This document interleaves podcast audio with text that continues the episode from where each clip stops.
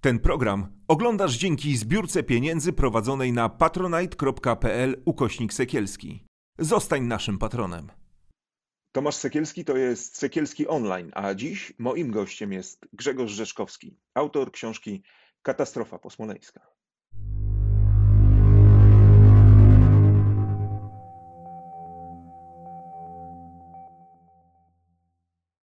Rozmawiamy, Grzegorzu, no, kilka dni przed 11. E, rocznicą e, katastrofy smoleńskiej. E, I znowu zaczynamy słyszeć, że jesteśmy coraz bliżej prawdy o tej katastrofie.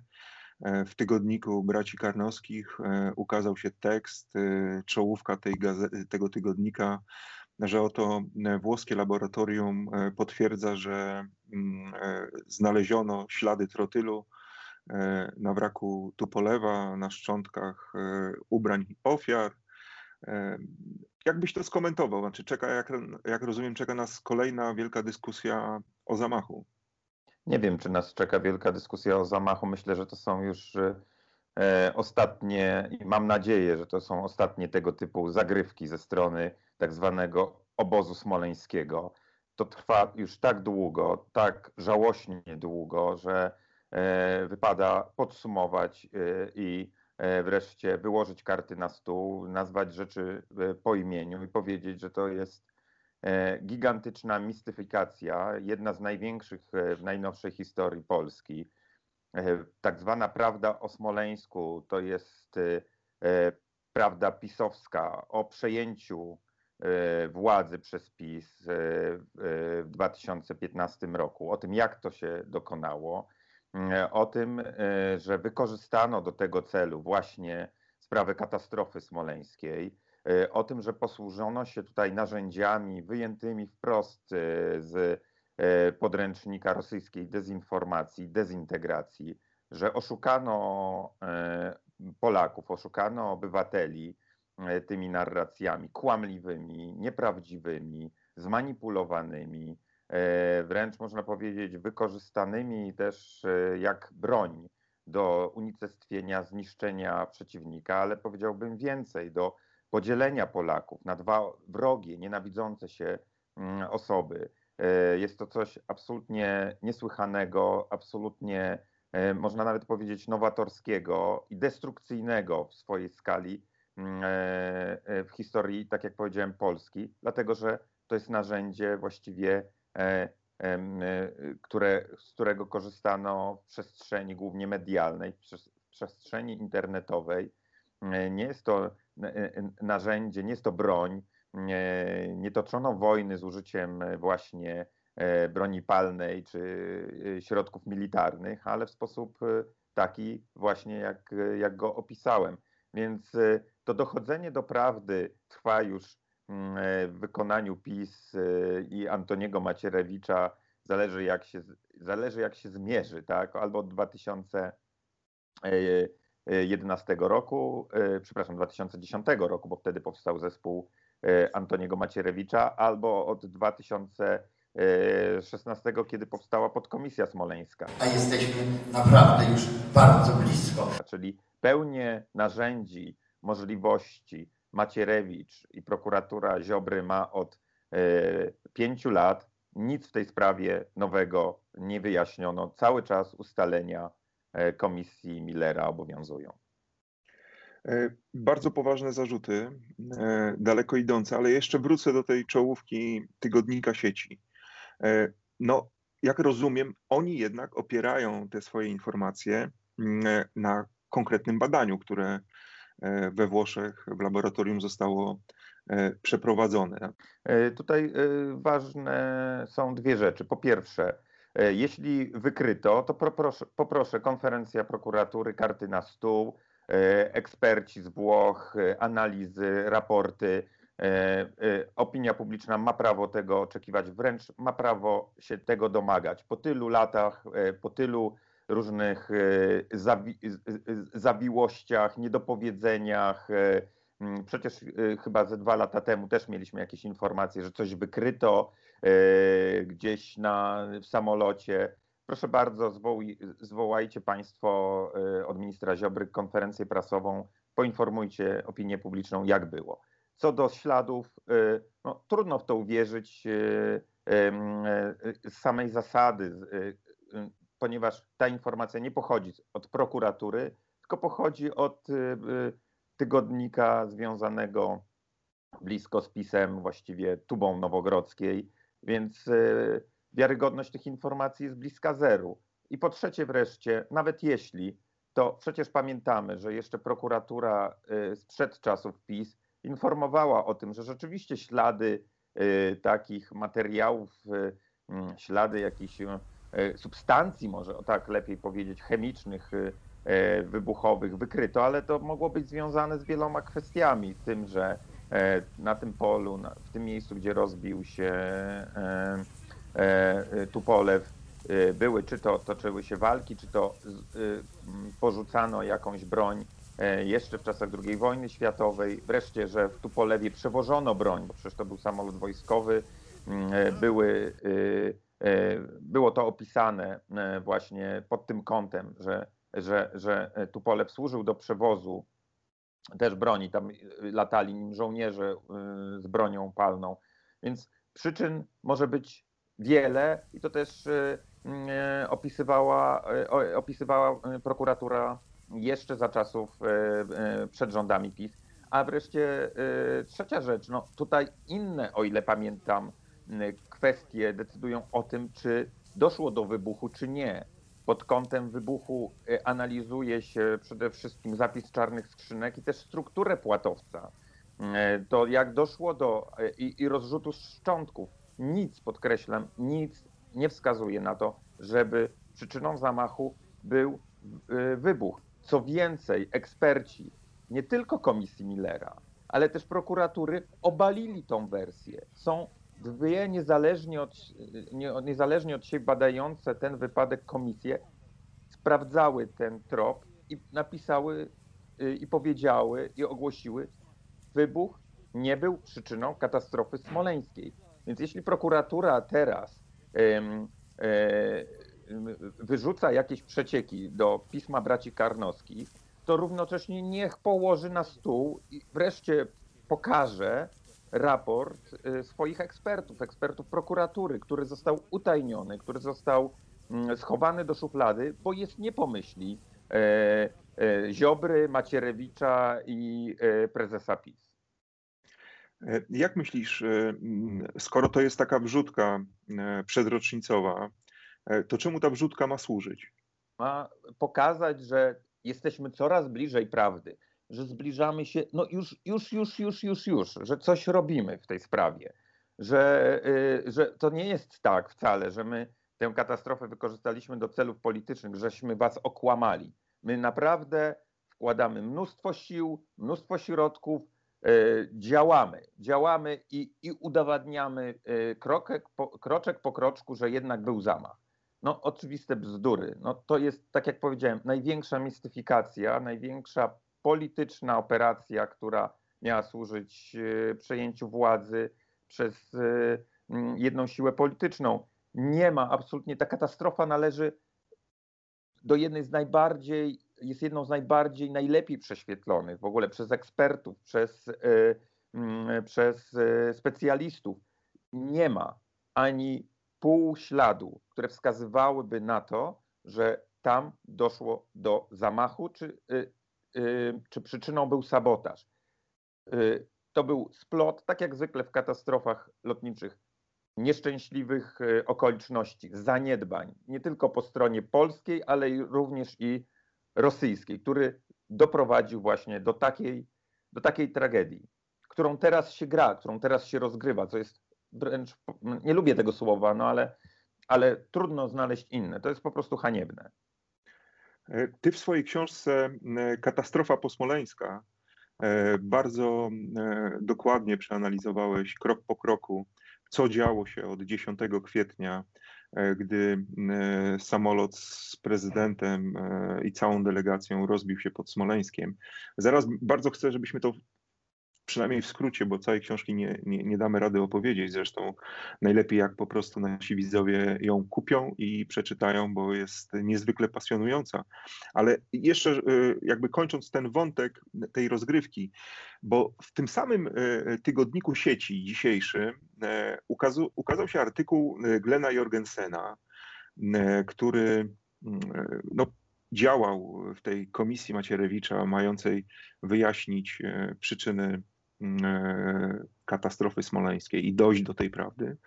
E, I to jest artykuł, no, można powiedzieć, oskarżający Macierewicza o to, że przez jego błędy, e, przez jego indolencję, przez no, dziwne zachowanie wciąż nie ma raportu, że ta komisja wciąż nie zakończyła prac. Ten artykuł i, i te oskarżenia są bardzo, bardzo mocne. Ja nie chcę teraz wnikać jakby dokładnie w to, co E, Jorgensen napisał, ale jak ty sobie to tłumaczysz, tę wojnę w rodzinie, że oto e, bracia karnoscy z jednej strony e, no, dają paliwo do spekulacji i podtrzymywania u części opinii publicznej tego żaru dotyczącego zamachu, a z drugiej strony piórem Jorgensena uderzają w Antoniego Macierewicza, czyli taki no, głównego kapłana E, jak ty to nazywasz w swojej książce, sekty smoleńskiej? Tutaj e, odpowiedź jest dosyć prosta. E, no, mamy w tak zwanym obozie, tak zwanej zjednoczonej prawicy wojnę o tak zwaną, znów użyję tego słowa, prawdę smoleńską. To znaczy, można powiedzieć, biją się dwa obozy E, obóz ziobrystowski i obóz macierewiczowski, o to, kto do tej prawdy e, się zbliży, kto przejmie narrację smoleńską i dzięki temu zdobędzie sobie uznanie nie tylko u prezesa, to chyba mniej teraz już się liczy, ale u tak zwanego ludu smoleńskiego, czyli u wyborców PiS, którzy wierzą e, do dziś twardo w, mm, w prawdę o Smoleńsku, czyli w E, e, w to, że tam doszło, jeśli nie do zamachu, to do jakiegoś sabotażu, prawda? Wiemy też, że e, Ziobro jest raczej sceptyczny wersji zamachowej, czyli tego, tej wersji, którą forsuje Macierewicz, że tam doszło do jakichś wybuchów, tak, ale co wskazuje też zresztą linia działań prokuratury, która rok czy dwa lata temu oskarżyła o umyślne spowodowanie śmierci y, rosyjskich kontrolerów ze Smoleńska. Ta prokuratura, czy, ten jego szef Zbigniew Ziobro, no, skłania się ku jakiejś takiej właśnie nieczystej, no, za delikatne słowo, e, ale celowej, celowym działaniu Rosjan, które miały właśnie doprowadzić do, do katastrofy. No i na, Trudno powiedzieć, która, nikt takich badań nie robił, która wersja przeważa, ale e, ewidentnie mm, jest to gra o elektorat smoleński. E, to jest duża siła i też o rząd dusz w PiSie e, po, po tym, jak ze sceny zejdzie Jarosław Kaczyński lub kiedy PiS w jakiś sposób się zacznie rozsypywać. No, E, zdobycie właśnie rządu tych smoleńskich dusz no, no, ma niebagatelne, będzie miało niebagatelne znaczenie. No bo do tej pory e, wydaje się, że taką kontrolę e, nad tymi, którzy nie wierzą w raport przygotowany przez Komisję Millera i te wcześniejsze ustalenia polskich komisji, że ten rząd dusz sprawował do tej pory niepodzielnie Antoni Macierewicz, który, jak e, udowadniasz e, w swojej książce Katastrofa posmoleńska, połączył środowiska e, moczarowskie, endeckie i to na ich bazie powstał ten cały mit zamachu smoleńskiego. No tak, to jest rzecz niesłychana, zaskakująca, że te, te, te odmęty takiego jeszcze przedwojennego E, e, czarnego nacjonalizmu polskiego, które przetrwały e, cały komunizm, które wykwitły później w, na początku lat 80. w formie Zjednoczenia Patriotycznego Grunwald, niechlubnego Bogdana Poręby, że te, że, że, że te środowiska... Koncesjonowanego, koncesjonowanego tak. stowarzyszenia przez komunistów. Tak jest i mającego potężne, silne związki z ludźmi służb, nie tylko cywilnych SB, ale i wojskowych, czyli WSW. E, Poręba też słynął z tego, że e, był lubiany przez e, towarzyszy ze wschodu. No i nagle to wykwita na krakowskim przedmieściu w pierwszych dniach kwietnia, tuż po katastrofie smoleńskiej. To jest coś niesłychanego. W tym środowiskach, tych środowiskach do dzisiaj roi się o ludziach nie tylko prorosyjskich poglądach, ale wręcz proputinowskich. No, jeden z głównych działaczy, takich powiedziałbym smoleńskich, tak, który tą narrację zamachowo-spiskową mm, promował na krakowskim przedmieściu, to jest człowiek, który należy do partii, która wręcz chwaliła Putina za inwazję Krymu. To jest e, Mm, człowiek, który brał udział w y, antyukraińskich demonstracjach, o których wiemy dzisiaj, że były finansowane przez jednego z rosyjskich oligarchów, Konstantina Małofiejewa, mm, którego z kolei ludzie są e, bliscy ruchom związanym e, z Ordo Juris. No to jest coś y, naprawdę y, to są niesamowite. Ale też z partią Zmiana e, partią Mateusza zmiana, tak. Piskorskiego, który tak. został zatrzymany z zarzutami o szpiegostwo. Tak, tak. Tam to środowisko, to powiedzmy mm, smoleńskie, to nacjonalistyczne, które, tak jak e, wspomniałem, nakręcało tę histerię smoleńską na krakowskim przedmieściu, też jest związane z partią Zmiana. Dość powiedzieć, że aktywny w tym środowisku jest też e, syn e, Bogdana Poręby, który no, nie ukrywa swojego, swoich, swoich prorosyjskich, proputinowskich poglądów, który mieszka, pomieszkuje w Rosji, który udziela się w radiu w mediach Sputnika. E, także... To są propagandowe, jeśli ktoś nie wie, to są e, propagandowe, kontrolowane przez Kreml e, media, które mają właśnie na świecie szerzyć dezinformację i manipulację. Tak jest. Wreszcie chciałbym podkreślić, że to są środowiska nie tylko antyzachodnie, to są środowiska, powiedziałbym, antynatowskie, środowiska promujące te mm, E, idee euroazjatyckie, te, które, o których pisze i mówi główny ideolog Kremla Aleksander Dugin, które, które Kreml bardzo kocha i, i sam Putin chciałby realizować. To są środowiska, które wprost mówią o tym, że Polska powinna iść z Rosją, że Polska i Rosja to właściwie prawie jeden organizm. I te środowiska nakręcały tę histori- histerię mm, na krakowskim przedmieściu. E, no ale z drugiej tam... strony też, też pokazujesz w swojej książce, e, bo to są ci tak zwani starzy. Tak. E, takich określasz w katastrofie posmoleńskiej. Natomiast jest taka druga grupa, których ja na, na swoją potrzebę, ale ty też w książce nazywasz harcerzami, która z kolei ma e, kontakty na przykład w Stanach e, Zjednoczonych. E, I o dziwo, co wydaje się oczywiście na pierwszy rzut oka w ogóle nieprawdopodobne, stamtąd też, ze Stanów, idą linki znowu w kierunku Rosji. Tak jest. Tak, to, to jest niesamowite, jak to się zaplata. Jak to spojrzymy na to z perspektywy, to widać, jak to się wszystko odbywało. To znaczy, mamy harcerzy, E, dwóch harcerzy, Piotra Trąbińskiego Michała Kuczmierowskiego, związanych z Michałem Dworczykiem, którzy w pierwszych godzinach po katastrofie stawiają krzyż na krakowskim przedmieściu.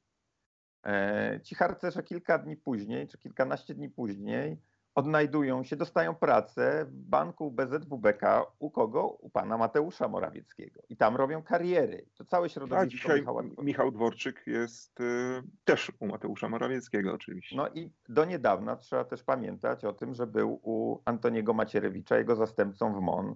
E, I to y, zawdzięcza Macierewiczowi wiele, ponieważ Macierewicz wyciągnął go właściwie z więzienia, kiedy, e, kiedy e, wybuchła, wybuchła nomen omen ta, y, afera y, z, ze składowaniem przez niego materiałów wybuchowych przez Dworczyka w piwnicy bloku.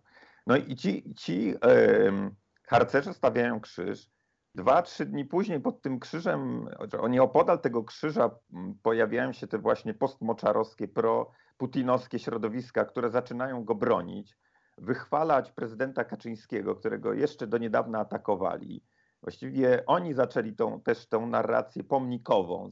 Lepią jakieś figurki, rozdają te figurki e, prezydenta Kaczyńskiego, bronią tego krzyża razem z harcerzami zresztą, no bo pamiętamy, że ci harcerze postawili, a później, e, później też brali udział w obronie tego krzyża razem właśnie z tymi, z tymi środowiskami starych, powiedziałbym, endeków. I to się tak, to się tak zaplata przez pierwsze miesiące. Wreszcie w 2011 roku e, te środowiska e, e, endeckie, proputinowskie, komu przekazują pałeczkę i kto rozpoczyna tę wojnę, czy kontynuuje tę akcję, można powiedzieć, smoleńską na krakowskim przedmieściu, Ewa Stankiewicz z Samuelem Pereirą. No, do dziś na YouTubie jest film, kiedy oni właściwie chyba w pierwszych dniach kwietnia 2011 roku organizują y, pod siedzibą Ministerstwa Kultury, czyli vis-a-vis Pałacu Prezydenckiego, takie spotkanie, w którym dochodzi do takiego symbolicznego przekazania pałeczki. Mm, jeden z tych neoendeków y, y, oddaje Samuelowi Pereirze mikrofon i od tamtej pory tam pod namiotem siedzi już Ewa Stankiewicz i, i całe ten, to środowisko Solidarnych 2010, tak? I znowu mamy zaskakującą sytuację, kiedy w 2012 roku przed euro oni organizują taką y, antyputinowską rzekomo, trochę nienawistną akcję wycelowaną w Rosji, domagając śledstw, się śledztwa międzynarodowego, zwrotu wraku i tak dalej.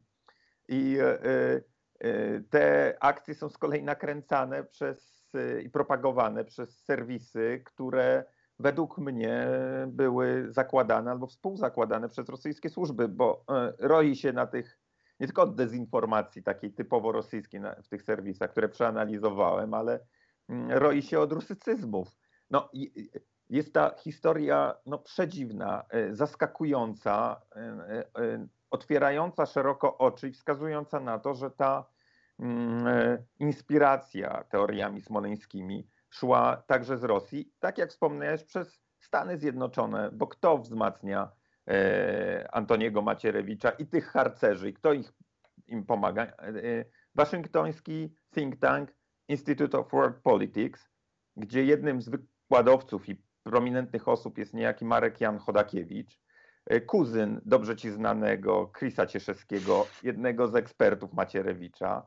Który jakoś zniknął, prawda? Tak zupełnie tak. się wycofał. Ale wielu z nich wyparowało. To też jest taka metoda jakby uderzenia, narobienia zamętu, a później wycofania. Pan Berczyński to samo. No, to przedziwna organizacja, ten Institute of World Politics.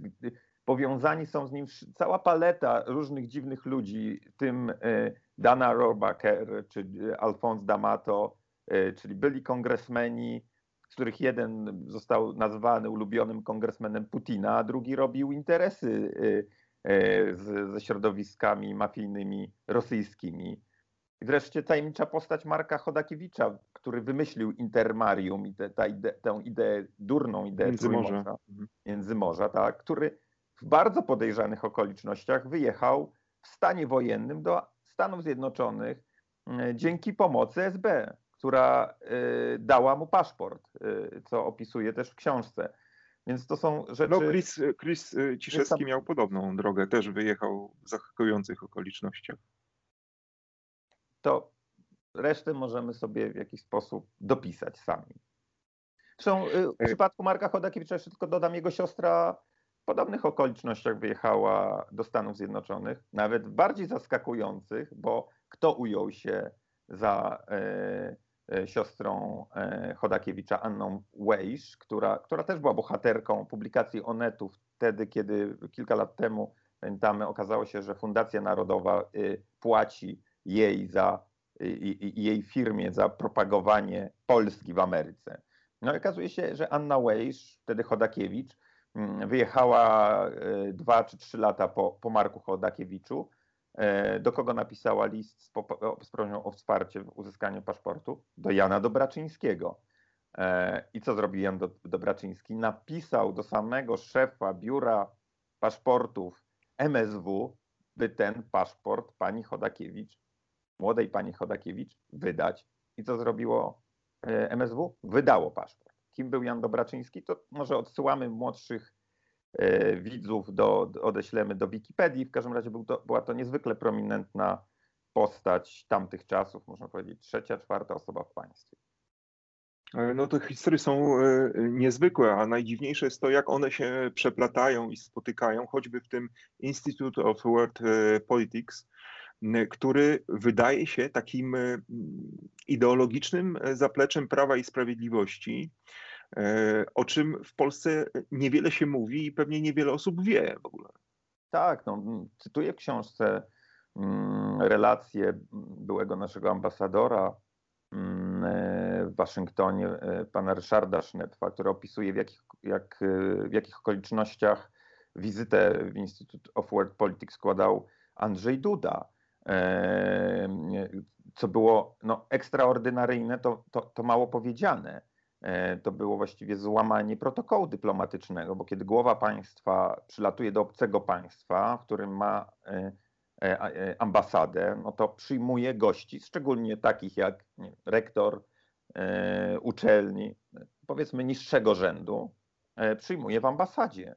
I tak to powinno się odbyć. Natomiast Duda twardo obstawał przy tym, żeby tam pojechać, bo on koniecznie musiał się spotkać z rektorem Institute of Politics Johnem Lęczowskim i Markiem Chodakiewiczem. E, i dopiął swego i pojechał, co no, wywołało zdumienie wśród polskich e, dyplomatów. Mm, I rzeczywiście e, wygląda na to, że PiS Instytutowi, samemu Chodakiewiczowi bardzo, bardzo wiele zawdzięcza. Chodakiewicz przyjął później mm, jako mm, stypendystę Piotra Trąbińskiego, który stawiał krzyż na krakowskim przedmieściu, ale Chodakiewicz Institute of World Politics także wspomagało Macierewicza, to znaczy udzielało gościny y, jego ekspert, tak zwanym ekspertom. Pan Nowaczyk złożył tam wizytę chyba w 2013 roku i wygłosił, mm, y, y, wygłosił wykład na temat właśnie katastrofy smoleńskiej, przedstawiając teorie spiskowe na ten temat. Sam Chodakiewicz przyjechał do Polski. Pamiętam, stał kiedyś krzyż, który postawili moi harcerze. Tak. Pana jak? ZHR, którymi się zajmowałem. Stanął na krakowskim przedmieściu, również rozmawiając z Ewą Stankiewicz, również te, te, te, te, te teorie popierał. Także, także to są, to są to, to, ten, ten, warkocz powiązań zaplata się w sposób niesłychany, niebywały, nie, niezwykle interesujący i można powiedzieć wielokrotny, bo cóż można jeszcze do tego dodać, no, że Chodakiewicz jest, ma też swoje relacje e, ze skrajnymi narodowcami e, polskimi, z ludźmi Konfederacji, brał z nimi udział w manifestacjach, e, przemawiał w obecności chociażby Roberta Winnickiego, publikował w pismach związanych z Januszem Korwin-Mikke. Także e, to są, to są więzy, tak jak mówię, bliskie i jakby e, piętrowe, piramidalne wręcz. No i jeszcze nie możemy zapominać e, o Janie Kobylańskim, liderze, nieżyjącym już liderze Polonii w Ameryce Łacińskiej, który także w tej kwestii mieszał. Tak, też, te, też był tym wsparciem dla tych środowisk, które później na krakowskim przedmieściu, e, w cudzysłowie mówiąc, broniły krzyża. E, A jednocześnie są olbrzymie podejrzenia, że Jan Koblański e, poszedł na jakąś formę współpracy z radzieckimi służbami specjalnymi po II wojnie światowej, gdyż musiał się ukrywać w związku z tym, że ciążyło na nim podejrzenie o to, iż e, wydał rodzinę żydowską w trakcie wojny. Tak, że wydał rodzinę żydowską gestapo. Mm, e, on po wojnie handlował e, między, między strefami, się dobrze przemieszczał. Włochy, Niemcy, Bawaria i, i, i, i, i uprawiał tam handel. Zresztą też z byłym, o ile pamiętam, mm, funkcjonariuszem aparatu naziz, niemieckiego e, naziz, nazistowskiego. E, I e, no, gdy, gdyby takich związków nie miał, no, nie, nie mógłby robić tego, co robił. Tak mówią moje źródła. No, no, Kobylański co roku właściwie zapraszał tę całą, można powiedzieć, śmietankę nacjonalistyczną, nawet faszystowską. E, ludzi, którzy... Z Tadeuszem Rydzykiem na czele. Tadeuszem Rydzykiem e, na czele, który później przestał się tam pojawiać, kiedy już zaczęło mu to ciążyć, ale pojawiał się na przykład od Antoniego Macierewicza jego zaufany prawnik Andrzej Lew Mirski, pojawiał się rzeczony Bogdan Poręba, pojawiały się środowiska Narodowego Odrodzenia Polski, które i, i, inne środowiska skrajnej prawicy, które popierały e, inwazję e, chociażby Putina na, na Ukrainę. Mm, e, I no, no, cała paleta. No właściwie trudno nie wymienić kogoś z tej radykalnej polskiej prawicy, kogo tam, kogo by tam nie było. Mm, tam się odbywały właśnie konferencje, spotkania, też msze, oczywiście ze stawianiem pomnika papieżowi Janowi Pawłowi II. E, tam przyjeżdżali e, watykańscy notable z kardynałami włącznie, które jak się mm, mocniej pogrzebie, to się okazuje, że mieli kontakty z polskimi e, arcybiskupami, jednym z nich szczególnie, który, który był, któremu udowodniono współpracę z, mm, z SB. Także to wsparcie... A który był bardzo bliskim współpracownikiem Jana Pawła II i jego tłumaczem tak z angielskiego.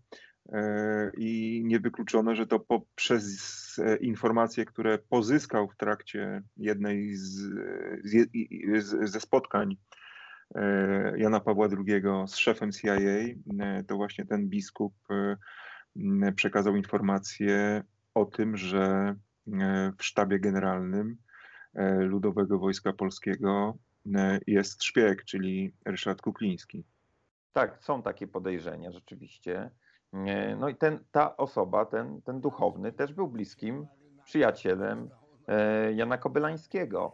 E, więc e, mamy tutaj, jak widzimy, kolejny, kolejny taki filar, który, który wspierał nie tylko Antoniego Macierewicza i ojca Rydzyka, ale całą, tak jak wspomniałem, tę, tę prorosyjską paletę środowisk, które popierały też narrację E, zamachową narrację smoleńską. Mm, e, więc e, no, trudno, trudno nie podejrzewać, kto tak naprawdę za wzmacnianiem tych teorii stał. No ale tak, z jednej strony mamy powiedzmy takie przedziwne środowisko, które albo otwarcie deklaruje przyjazne podejście do Kremla, albo po prostu nie krytykuje i, i, i zachowuje dystans, e, patrząc, zerkając z sympatią na wschód, no ale jednocześnie to całe środowisko e, wyznaje teorię zamachową, która Rosjan obciąża. Czy nie ma tu sprzeczności? Absolutnie nie. Ta teoria jest jak najbardziej na rękę Putinowi i Kremlowi. E, załatwia wiele spraw korzystnych dla, dla Kremla. Po pierwsze, pokazuje, że Polacy są nieodpowiedzialni, wręcz, że są nieracjonalni, czyli wzmacnia ten wizerunek Polski, którą, który, który jakby Putin y, i jeszcze przed Putinem rosyjskie służby y, chciały zbudować na Zachodzie. Pamiętamy, jak wchodziliśmy do Unii Europejskiej czy NATO, różne y, afery, mniejsze, większe, czy różne spory z Kremlem e, powodowały, że e, pojawiała się z tamtej strony taka narracja: nie przyjmujcie tych Polaków, bo oni są nieodpowiedzialni, oni, oni wam rozwalą te wasze struktury, prawda? To po pierwsze. Po drugie, dzięki tej narracji smoleńskiej skutecznie podzielono Polskę, podzielono Polaków, jak pokazują ostatnie badania około 40% społeczeństwa polskiego albo nie wierzy w katastrofę, czyli inaczej mówiąc, albo wierzy w zamach, albo twierdzi, że nie wiadomo, co się tak, tak naprawdę wydarzyło pod Smoleńskiem, co było przyczyną katastrofy. Mm, e, czyli mamy e, już jakby drugi, mm, drugą korzyść. Trzecia korzyść wewnętrzna. Zawsze można powiedzieć, zobaczcie, ci wstrętni Polacy a więc NATO i Unia Europejska atakuje nas nawet za to, że zabiliśmy ich prezydenta. No przecież to jest jakaś aberracja, to jest przecież jakiś odlot totalny. Najpierw stwierdzili, że był to wypadek, a później stwierdzili, że to jednak nie był wypadek, tylko że to była katastrofa, którą spowodowali ludzie Putina. No to przecież tak, no i dybią na nas, znowu na nas dybią i znowu Rosja wszystkiemu winna. No i wreszcie czwarta rzecz, która dla mnie niesamowicie zaskakująca, tego bym się nie spodziewał, ale e, no, jak widać, e, Kreml i, i rosyjska propaganda wprawiona w dezinformacji potrafi wiele. E, rok temu, latem, po tej ostatniej po tym ostatnim wystąpieniu Macierewicza z tak zwanym jego raportem, jego podkomisji w Sejmie na Komisji Obrony Narodowej, kiedy kolejny film wyświetlił, który miał dowodzić wybuchu, nagle zaczęli y, się ze mną kontaktować mm, dziennikarze y, rosyjscy, ukraińscy y, i zaczęli mnie pytać, no, no, no jak to jest u was? O co chodzi? Wyjaśnij, wyjaśnij nam, bo niektóre środowiska antyputinowskie, e, opozycyjne w Rosji twierdzą, że tak rzeczywiście mogło być, że trzeba Macierewicza wysłuchać, że Macierewicz może mieć rację, no bo skoro Putin e, zamordował Litwinienkę, próbował zamordować Skripalu, wiadomo, że jest, e, do czego jest zdolny. No, później jeszcze mieliśmy sprawę Nawalnego, to już oczywiście podkreślam później, no to zamordować polskiego prezydenta i, i, i, elitę polityczną Polski, no to dla niego betka. No to, to, to Macierewicz pewnie ma rację. No i e, poproszono mnie, żebym wyjaśnił, o co chodzi z tą narracją zamachową, jakie są jej źródła, konteksty i, i, i oczywiście brak dowodów. I e, te moje materiały w formie tekstu ukazały się w takim renomowanym serwisie The Insider, który może jest Tobie i Państwu znany z, ze spraw właśnie Nawalnego, to oni wskazali, to oni brali udział w tym międzynarodowym śledztwie, które wskazało e, rzeczywistych sprawców e, zamachu na Nawalnego. Insider też badał sprawę Skripalów. Mm, udzieliłem wywiadu sekcji rosyjskiej Radia Wolna Europa, no i posypały się wtedy na mnie wysypały się komentarze, tak zwane komentarze rosyjskich troli, doskonale obeznanych w sprawie, broniących teorii Macierewicza.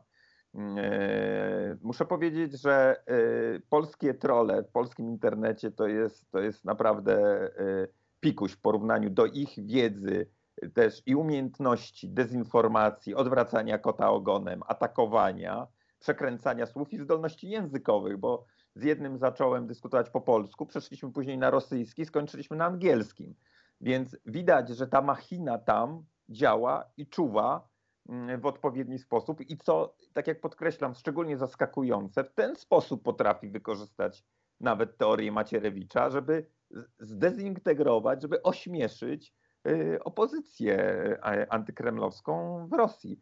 Także tych korzyści, które osiągnęła Rosja dzięki Mm, e, sprawie smoleńskiej, sprawie katastrofy jest y, wiele. No można dołożyć kolejną, no, osłabienie Platformy Obywatelskiej, prawda? No, platforma... No ale czy nie jest tak, że, przepraszam, że ci przerywam, tak. ale czy nie jest tak, że Platforma e, sama się podłożyła, e, że jednak szczególnie na początku ten chaos decyzyjny, jaki zapanował w pierwszych dniach po katastrofie, to, e, co nawet e, e, pokazała telewizja polska w magazynie śledczym pani Gargas. Czy nie stać państwa polskiego na to, żeby wysyłając mnie w taką misję, nie zapewnić mi chociażby jednego tłumacza z uprawnieniem tłumacza?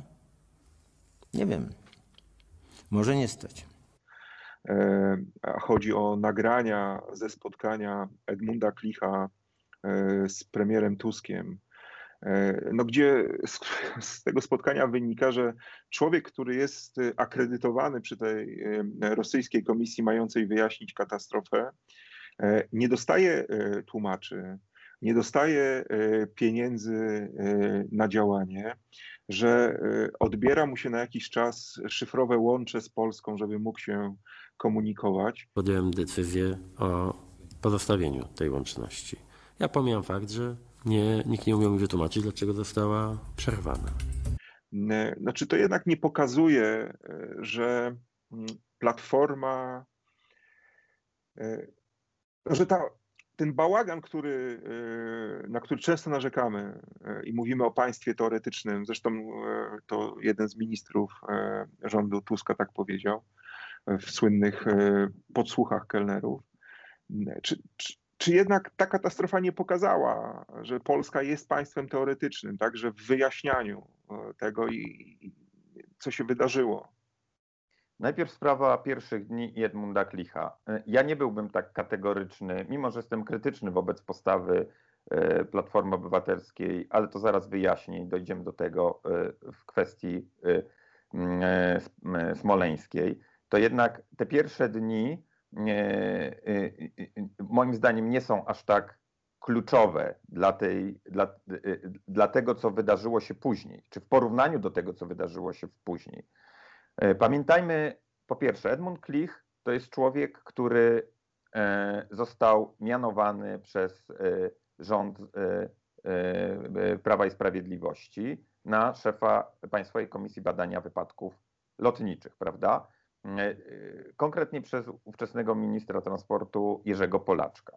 To jest, to, To, jest człowiek, czas pierwszych rządów e, Tak jest. PiSu. jego jakby przejęła platforma.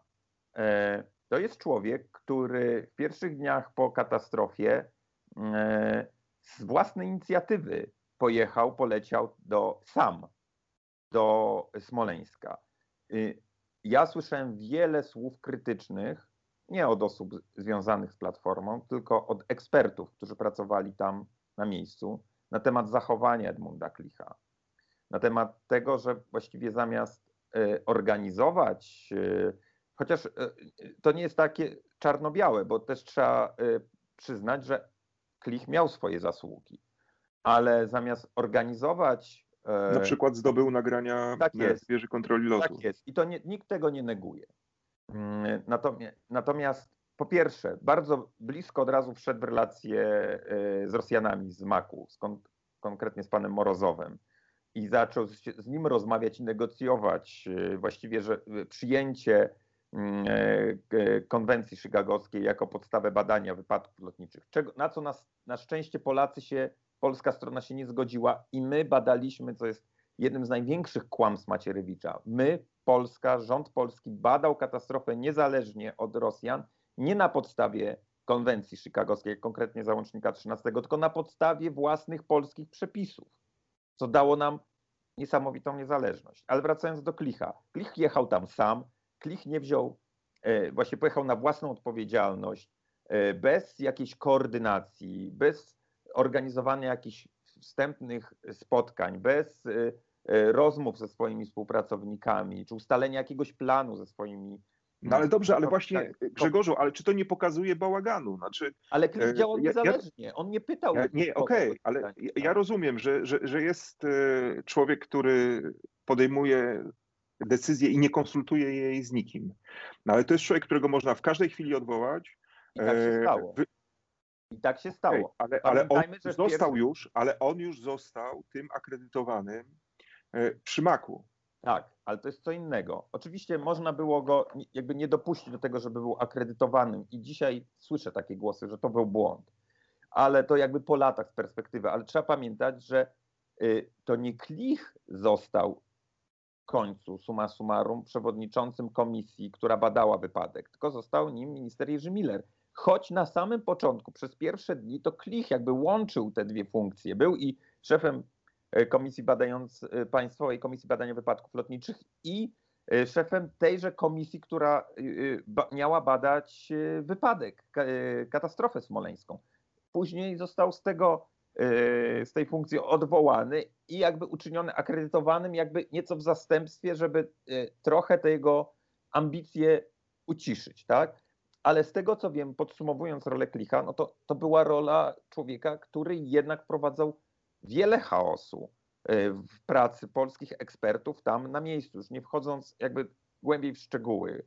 Mm, e, I, i ta rola nie jest jednoznaczna, e, oczywiście o czym mówiliśmy, ale też nie jest jednoznacznie, nie jest, nie powiedziałbym, że to jest rola pozytywna. To jest też człowiek, który pamiętamy, no, urzędnik, który poszedł z dyktafonem do ministra Bogdana Klicha i go nagrywał. I, i później te e, nagrania wyciekły znów do, do Anity Gargas, autorki tego programu, o którym wspominałeś, mm, i, i, i znowu narobiły chaosu. Ale Super, że mówisz o tym, o tym, że on nagrał, e, bo nie tylko on nagrywał, ale też e, oficer, e, który szpiegował na Tak rzecz G- GRU.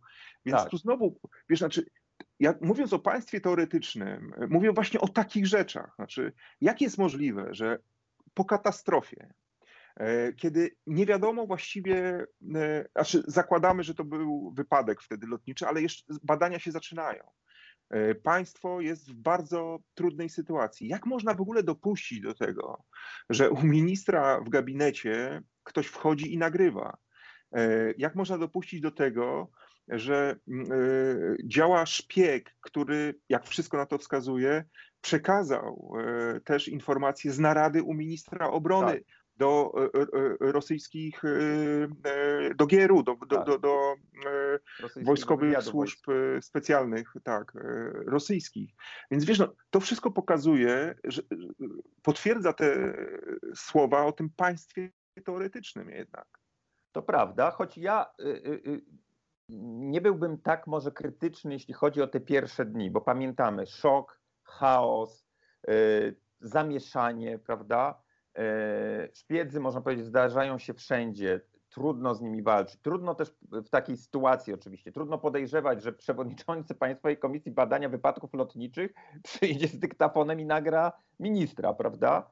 Tym bardziej, że tego szpiega później Polacy, polski kontrwywiad y, zdemaskował. Czyli Oficera jakby- spółku lotniczego. tak jest, tak.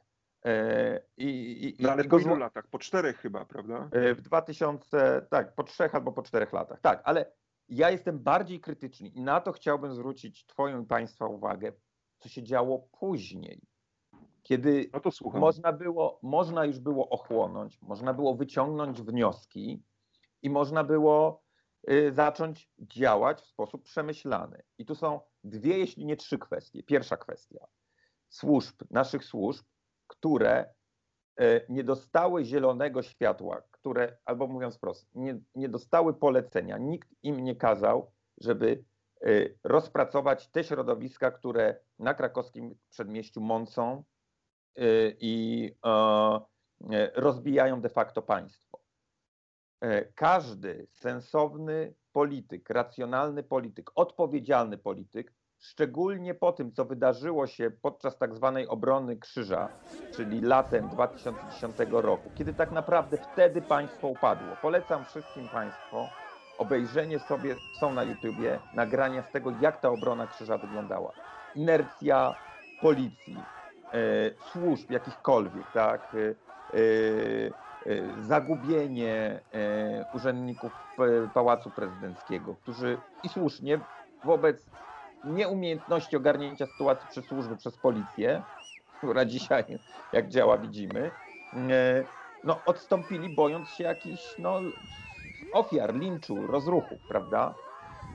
I po tym to był ostatni dzwonek, żeby tam wejść i te środowiska do spodu rozpracować. I to wszystko by wyszło, co opisałem w książce. Wiadomo byłoby, kto za tym stoi, kto to najprawdopodobniej inspiruje, tym bardziej, że służby mają możliwości operacyjne, mogli tych ludzi inwigilować, podsłuchiwać, e, mogli zrobić wszystko.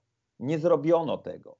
Służby nie chciały tego robić, bo bały się wejścia w politykę, ponieważ od sprawy y, lustracyjnej, a na pewno od sprawy Oleksego, politycy robili wszystko, stawali na włosach, żeby służby odsunąć od polityków, żeby polityków zamknąć w takiej szczelnej bańce, do, którego, do której służby nie będą miały dostępu. Co zrobiły polskie służby? No można powiedzieć to, co mogły w takiej sytuacji. Znaczy ustaliły, kto jest kto, tak? zrobiły rozpoznanie, można powiedzieć, tych środowisk i wiadomo było, kto tam jest. I służby wiedziały, kto tam jest. Natomiast nie weszli głębiej, nie, nie rozpracowali tego środowiska. I to jest pierwszy błąd, to jest pierwsze karygodne zaniechanie. Drugie to jest akceptowanie właściwie, mm, no tak można to nazwać, bez żadnej bez żadnego oporu akceptowanie teorii smoleńskich głoszonych przez Macierewicza. E, długo, pamiętamy, jak długo rząd nie zrobił nic, żeby y, powołać komisję, e, e, powołać jakiś. Bo, bo komisja Millera przestała działać latem 2011 roku po ogłoszeniu raportu, by wyznaczyć kogoś, jakiś zespół, który by z tą dezinformacją walczył. Bo to była klasyczna dezinformacja w stylu rosyjskim. Dopiero w 2013 roku został powołany zespół Laska. Trzy lata po katastrofie, trzy lata bezkarnego działania, e, działania e, e, zespołu Macierewicza i, i, i wygadywania przez niego różnych e, bzdur, różnych teorii. I wreszcie trzecia rzecz, czyli działanie prokuratury. E, do której pod kierownictwem e, e, Andrzeja Seremeta, do której mam wiele zastrzeżeń, która długo badała, bardzo długo pracowała nad tym śledztwem, co samo w sobie może nie jest tak, nie jest takim problemem, bo takie śledztwa trwają długo. To nie jest prosta sprawa, to jest bardzo obszerny materiał. Ale dwie rzeczy chciałem zwrócić uwagę. Oprócz tego, że prokuratura, info, ta, ta, polityka informacyjna prokuratury była też kulawa, tak? Ale y, na dwie rzeczy chciałem zwrócić uwagę. Po pierwsze, y, prokuratura, prokuratorzy, a konkretnie prokurator y, Józef Gacek, doprowadził do tego, że sprawiedliwości uniknęli urzędnicy kancelarii prezydenta, które jak wynika z dokumentów, które, dowodów, które zebrała sama prokuratura, organizowali wylot prezydenta do Smoleńska i wiedzieli, że lotnisko w Smoleńsku jest nieczynne. I mimo to, że ten samolot nie powinien wystartować, mimo to yy, prokuratura umarzała trzykrotnie śledztwo w tej sprawie. Zresztą umarzała też w sprawie yy, urzędników kancelarii premiera, którzy koordynowali, czy powinni koordynować ten, ten lot. E, prokuratura e, do 2015 roku badała, do końca właściwie, badała sprawę odpowiedzialności dowódców specpułku, stawiając im dwa razy zarzuty w 2011 2015 roku, nie kończąc sprawy aktem oskarżenia. Do dziś ta sprawa dwóch dowódców, którzy wysyłali tę załogę nieprzygotowaną do lotu, się nie zakończyła. Nie ma aktu oskarżenia. Więc prokuratura, i tu jeszcze jest mnóstwo innych kwestii, których no, nie chciałbym wchodzić zbyt y, y, wiele szczegółów, żeby nie zanudzać. Mm, I, I to jest trzecia kwestia odpowiedzialności, może nie samego rządu, choć nie do końca y, można zwalniać ówczesny rząd z tej odpowiedzialności, bo też nie, nie widziałem, jak analizowałem już z perspektywy czasu, jakichś kroków, które prowadziłyby do tego, by tę prokuraturę trochę zmobilizować do, do bardziej energicznych działań. Ale y, jeszcze chciałbym, żebyśmy podnieśli jedną rzecz i uderzyli się we własne piersi dziennikarskie. To znaczy, ilość materiału, który dziennikarze różnych stacji, gazet, y, serwisów internetowych y, poświęcili na publikowanie materiałów Macierewicza jest zdumiewające. Właściwie to był, Macierewicz przemawiał, to był news dnia. Do dzisiaj można tego znaleźć. Bo się dobrze no, oglądał, bo się dobrze jest. klikał. Oczywiście, bezkrytycznie, bez żadnej kontry właściwie. Te wszystkie jego tak zwane rewelacje były puszczone żywcem. E, I, I to jest ogromny błąd i ogromna nasza wina. I e, do dzisiaj jest tak, i tylko staram się to jakoś, przynajmniej ja, e, zwracać uwagę. Do dzisiaj jest tak, że niektóre media puszczają mm, w internecie wypowiedzi Macierewicza, oczywiście zakłamane, manipulacyjne, na temat przyczyn katastrofy, bez kontry, tak jakby nie było raportu Millera, nie przypominając, co ustaliła komisja Millera. Także tych, tych, lista tych przewin jest oczywiście, zgadzam się z Tomku z Tobą, że, że rząd y, ówczesny y, popełnił wiele grzechów, ale uważam, że główne grzechy popełniono już później. Y, szczególnie po tym, kiedy ukazał się raport Millera, nie poświęcono wystarczającej uwagi e, temu, co może, jakie, jakie skutki katastrofalne może działalność Macierewicza wyrządzić. Nie by, rząd nie był przygotowany chociażby również e, na, na ogłoszenie raportu przez MAK, więc to się mści. No wiesz, moim zdaniem też, moim zdaniem na przykład błędem było to, że nie otworzono tych trumien, e, które przyleciały z Rosji. E, że zamiast zachować się dokładnie tak, jak powinno to przebiegać, czyli przeprowadzić w Polsce autopsję, e, nie byłoby tych dramatycznych, tragicznych informacji o tym, że w jednej trumnie jest ileś szczątków, że są wymieszane, myślę, że to był e, gigantyczny błąd. Ja wiem, że politycy Platformy bronią się tym, że wszyscy czekali, że, że, że pogrzeby, e, no ale przy takiej katastrofie, moim zdaniem, należało tę autopsję w Polsce zrobić i nie mielibyśmy makabry z wykopywaniem trumien no i z tym makabrycznym spektaklem, który się rozgrywał później. E, po latach. E, więc to, to też moim zdaniem jest e, błąd. Zabrakło politycznej odwagi w tamtym momencie, żeby powiedzieć: Rozumiemy wasz ból, ale musimy to zrobić, aby wyjaśnić sprawę właśnie. Zabrakło przenikliwości i zabrakło, e, zabrakło e, takiej, powiedziałbym, politycznej mądrości. E, zaufaliśmy Rosjanom, że oni to zrobią i problem będzie tak z głowy. Oni te. No ale jak, jak, trzeba być naiwnym, prawda? Znaczy, żeby znając historię, historyczne relacje i uwarunkowania e, między Polską a Rosją, wierzyć w to, że Rosjanie zrobią wszystko świetnie. I znów, gdybyśmy, gdyby ówczesny rząd miał większe zaufanie do służb, wydałby polecenie, by tam przy każdej autopsji, czy może, to, może skracam ten, ten, ten, ten, ale do tego to zmierza. Tam, powinny być, tam powinno być więcej oficerów, funkcjonariuszy polskich służb, które pilnowałyby na każdym kroku tego, co się tam dzieje, które zbieraliby, którzy zbieraliby relacje polskich patomorfologów, prokuratorów i słali codzienny raport do Warszawy, co się dzieje, tak, żeby polski rząd miał pełen wgląd w sytuację, jak przebiegają śledztwa, jak działają Rosjanie, e, czego od nich spodziewać, czego można oczekiwać, jakich kroków. E, pełna informacja na ten temat powinna być. Nie było tego, bo nikt się tym nie przejmował, bo e, rządy Platformy słynęły z tego, że służby odpychamy, trzymamy z boku, bo jeszcze nas podsłuchają. a propos, e, bo, bo, bo jeszcze jakiś coś tam wyciągną, prawda? Lepiej, lepiej ich trzymać z boku, niech sobie siedzą z boku, bo, a poza tym to ich robota jest funta kłaków nie warta. No i takie są konsekwencje, jak się samemu obcina uszy i zakleja oczy, no to trudno się spodziewać później, że przeciwnik gra tak, jak mu się pozwala. E, a propos e, tej, tej, tej, rosyjskiej wielkiej operacji, e, którą kreślisz w swojej książce Katastrofa posmoleńska, przypomnę Wam, drodzy widzowie, że naprawdę warto po tę książkę sięgnąć. Pokazujesz konkretne tam przykłady, na przykład ta wrzutka z filmem, który pojawia się na nikomu wtedy nieznanym portalu e-Ostrołęka PL. To jest w ogóle historia e, jak z filmu szpiegowskiego.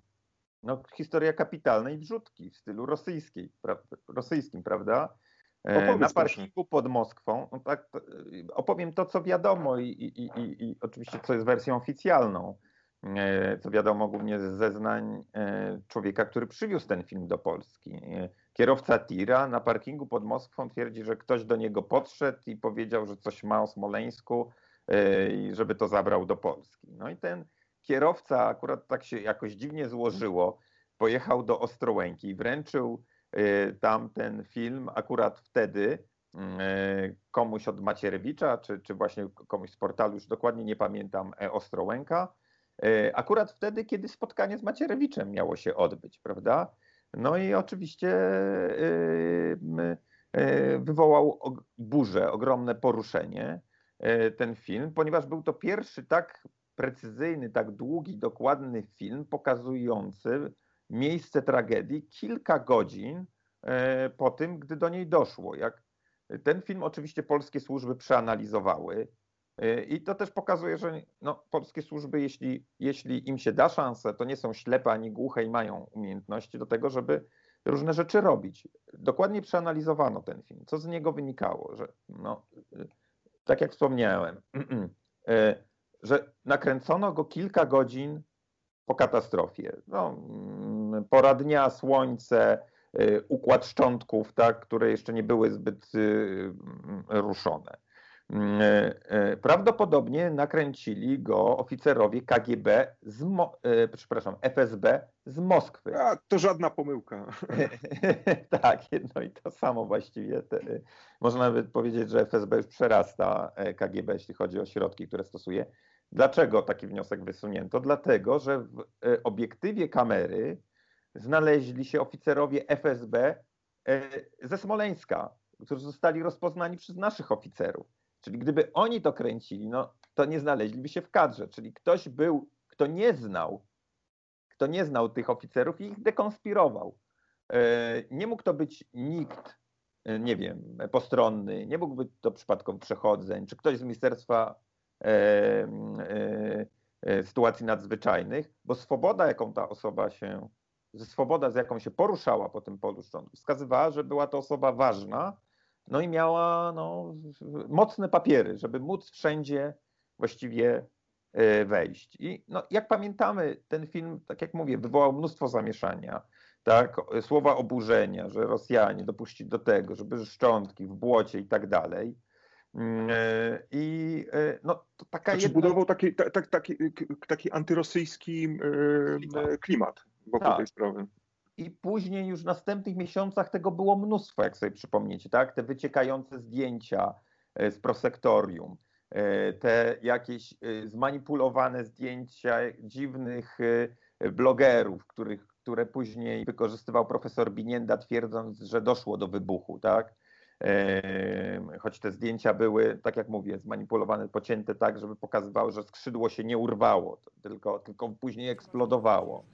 No wreszcie tajemnicza do dzisiaj historia ze zdjęciem e, e, Putina i Tuska na okładce e, tygodnika sieci, które też nie wiadomo skąd się wzięło, bo w archiwach polskiego rządu, kancelarii premiera, tego zdjęcia nie ma. A wiadomo, że tam byli też rosyjscy fotografowie. Zdjęcie, przypomnę, które pokazywało rzekomy uśmiech na twarzy Donalda Tuska, które też wywołało burzę. Więc takich wrzutek było, było mnóstwo. W przestrzeni, to też pokazuję, opisuję w, e, w, mm, w mojej książce, w przestrzeni medialnej, internetowej rosyjskiej mnóstwo było filmów, zdjęć, różnych teorii. Na, na YouTubie też nagle pojawił się jakiś film przetłumaczony na język polski, który pokazywał mm, niby niewinna rekonstrukcja lotu Tupolewa, który w ostatniej klatce pokazuje wybuch, który, który, który tam się miał rzekomo dokonać. Więc tego było, tak jak mówię, mnóstwo. Te polskie służby śledziły i nie miały wątpliwości, że to jest rosyjska inspiracja. Chodziło o podgrzanie atmosfery, pogłębienie tych y, podziałów i dodania paliwa smoleńskiego do teorii spiskowych. No dobrze, to ważne pytanie, e, zmierzając powoli do końca. E, Antoni Macierewicz e, nie zdaje sobie z tego wszystkiego sprawy, czy też zdaje, ale jest to dla niego wygodne, czy też nawet boję się na głos powiedzieć, jaka jest trzecia możliwość to ja mogę y, przez chwilę pomilczeć jak Robert Lewandowski w słynnym nagraniu. To pomilczę jak Robert Lewandowski o Jerzym Brzęczku. A to nie odzywaj się, a to nie odzywaj się. Aha, okej. Okay. Chwała tym, którzy walczyli o prawdę na czele z Antonim Macierewiczem.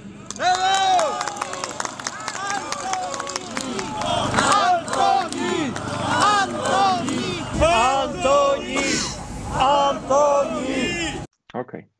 E, a jeszcze takie pytanie odnośnie ty, ty, tych rozgrywek e, wokół Smoleńska e, i budowania mitu.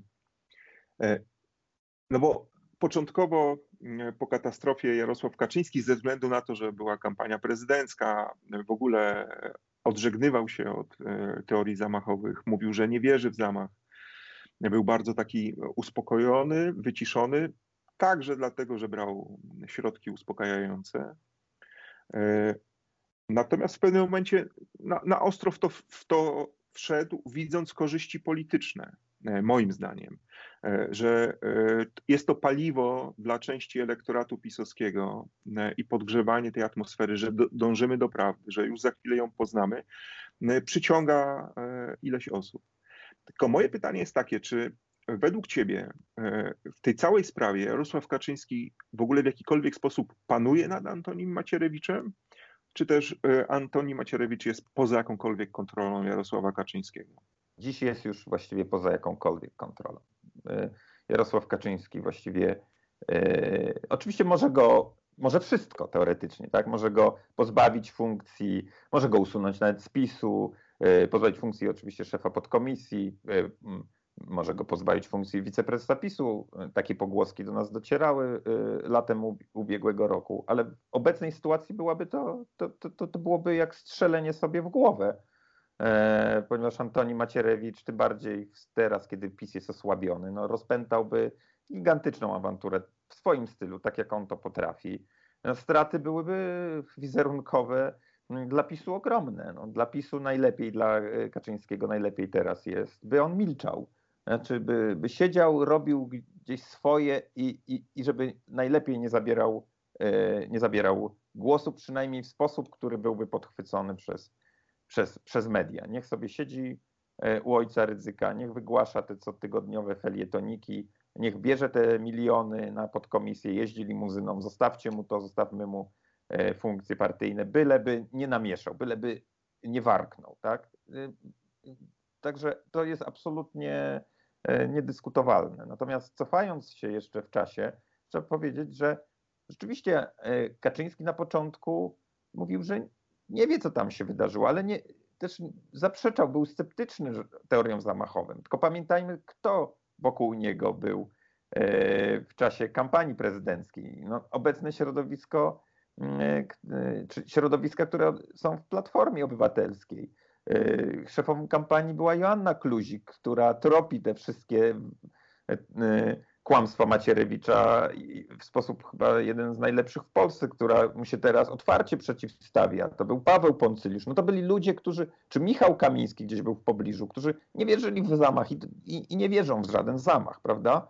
No i w pewnym momencie e, do gabinetu Jarosława Kaczyńskiego wszedł Antoni Macierewicz i przekonał go do tego, że, że, że, to był jednak sabotaż. Przekonał go nawet do tego, że to on powinien badać tę sprawę, bo też były inne pomysły w PiSie, bardziej racjonalne, e, które rzeczywiście no, e, z perspektywy czasu można powiedzieć nawet bardzo pro-obywatelskie czy, czy propaństwowe, bo chodziło o to, żeby rzeczywiście postawić kogoś kompetentnego na czele tego zespołu, kto będzie patrzył rządowi na ręce i rzeczywiste potknięcia, niedociągnięcia wychwytywał, tak, ale rzeczywiste. No i jak widzimy z perspektywy czasu, to by też zagrało. Pytanie z jakim efektem, ale na pewno by zagrało, bo tych potknięć było sporo. Kaczyński jednak postawił na Macierewicza. Dlaczego? No to też pytanie, na które trudno znaleźć jednoznaczną odpowiedź. Tak jak e, e, na pytanie, e, dlaczego, to, dlaczego postawił go na czele E, komisji, która rozwiązywała e, wojskowe służby informacyjne. Można powiedzieć, tak, taka teoria, która może pogodzi wielu i, i, i, która chyba byłaby też jedyną najbliższą prawdy, że no, skuteczność, wierzył w skuteczność Macierewicza, że, że, znaczy, wierzył, że, że to jest człowiek od, tak. od, zadań niemożliwych tak e, do wykonania. I no, taka jest oficjalna wersja krążąca tak. po Prawie i Sprawiedliwości, że stąd wybór Antoniego Macierewicza. Grzegorzu, wielkie dzięki za tę rozmowę, za poświęcony Twój czas. Przypominam, e, Grzegorz Rzeczkowski, e, autor e, książki Katastrofa posmolańska. Gorąco tę książkę polecam. Naprawdę warto przeczytać, aby zrozumieć, coś więcej e, i zajrzeć za tę zasłonę dezinformacji i manipulacji, jaka się e, rozciągnęła nie tylko nad sprawą smoleńską, bo, bo ta książka, choć wychodzi od Smoleńska, to dotyczy e, i współczesnej Polski, i polskiej polityki, ale też polityki światowej. Grzegorzu, jeszcze raz wielkie dzięki, wszystkiego dobrego i oczywiście dużo zdrowia na te trudne czasy. Bardzo dziękuję Tomku za zaproszenie, bardzo dziękuję za tą ciekawą rozmowę, dziękuję Państwu za uwagę. E, również chciałbym bardzo zachęcić do przeczytania mojej książki. Tak jak Tomek słusznie zauważył, to nie jest tylko książka o katastrofie smoleńskiej i okolicznościach tej katastrofy, to jest e, książka o naszym państwie, jego e, kondycji. Dużo zdrowia, wszystkiego dobrego i obyśmy za rok, jeśli się spotkamy w podobnych okolicznościach smoleńskich, żebyśmy już nie dyskutowali o zbliżaniu się do prawdy. Oby tak było. Dzięki. Dziękuję bardzo.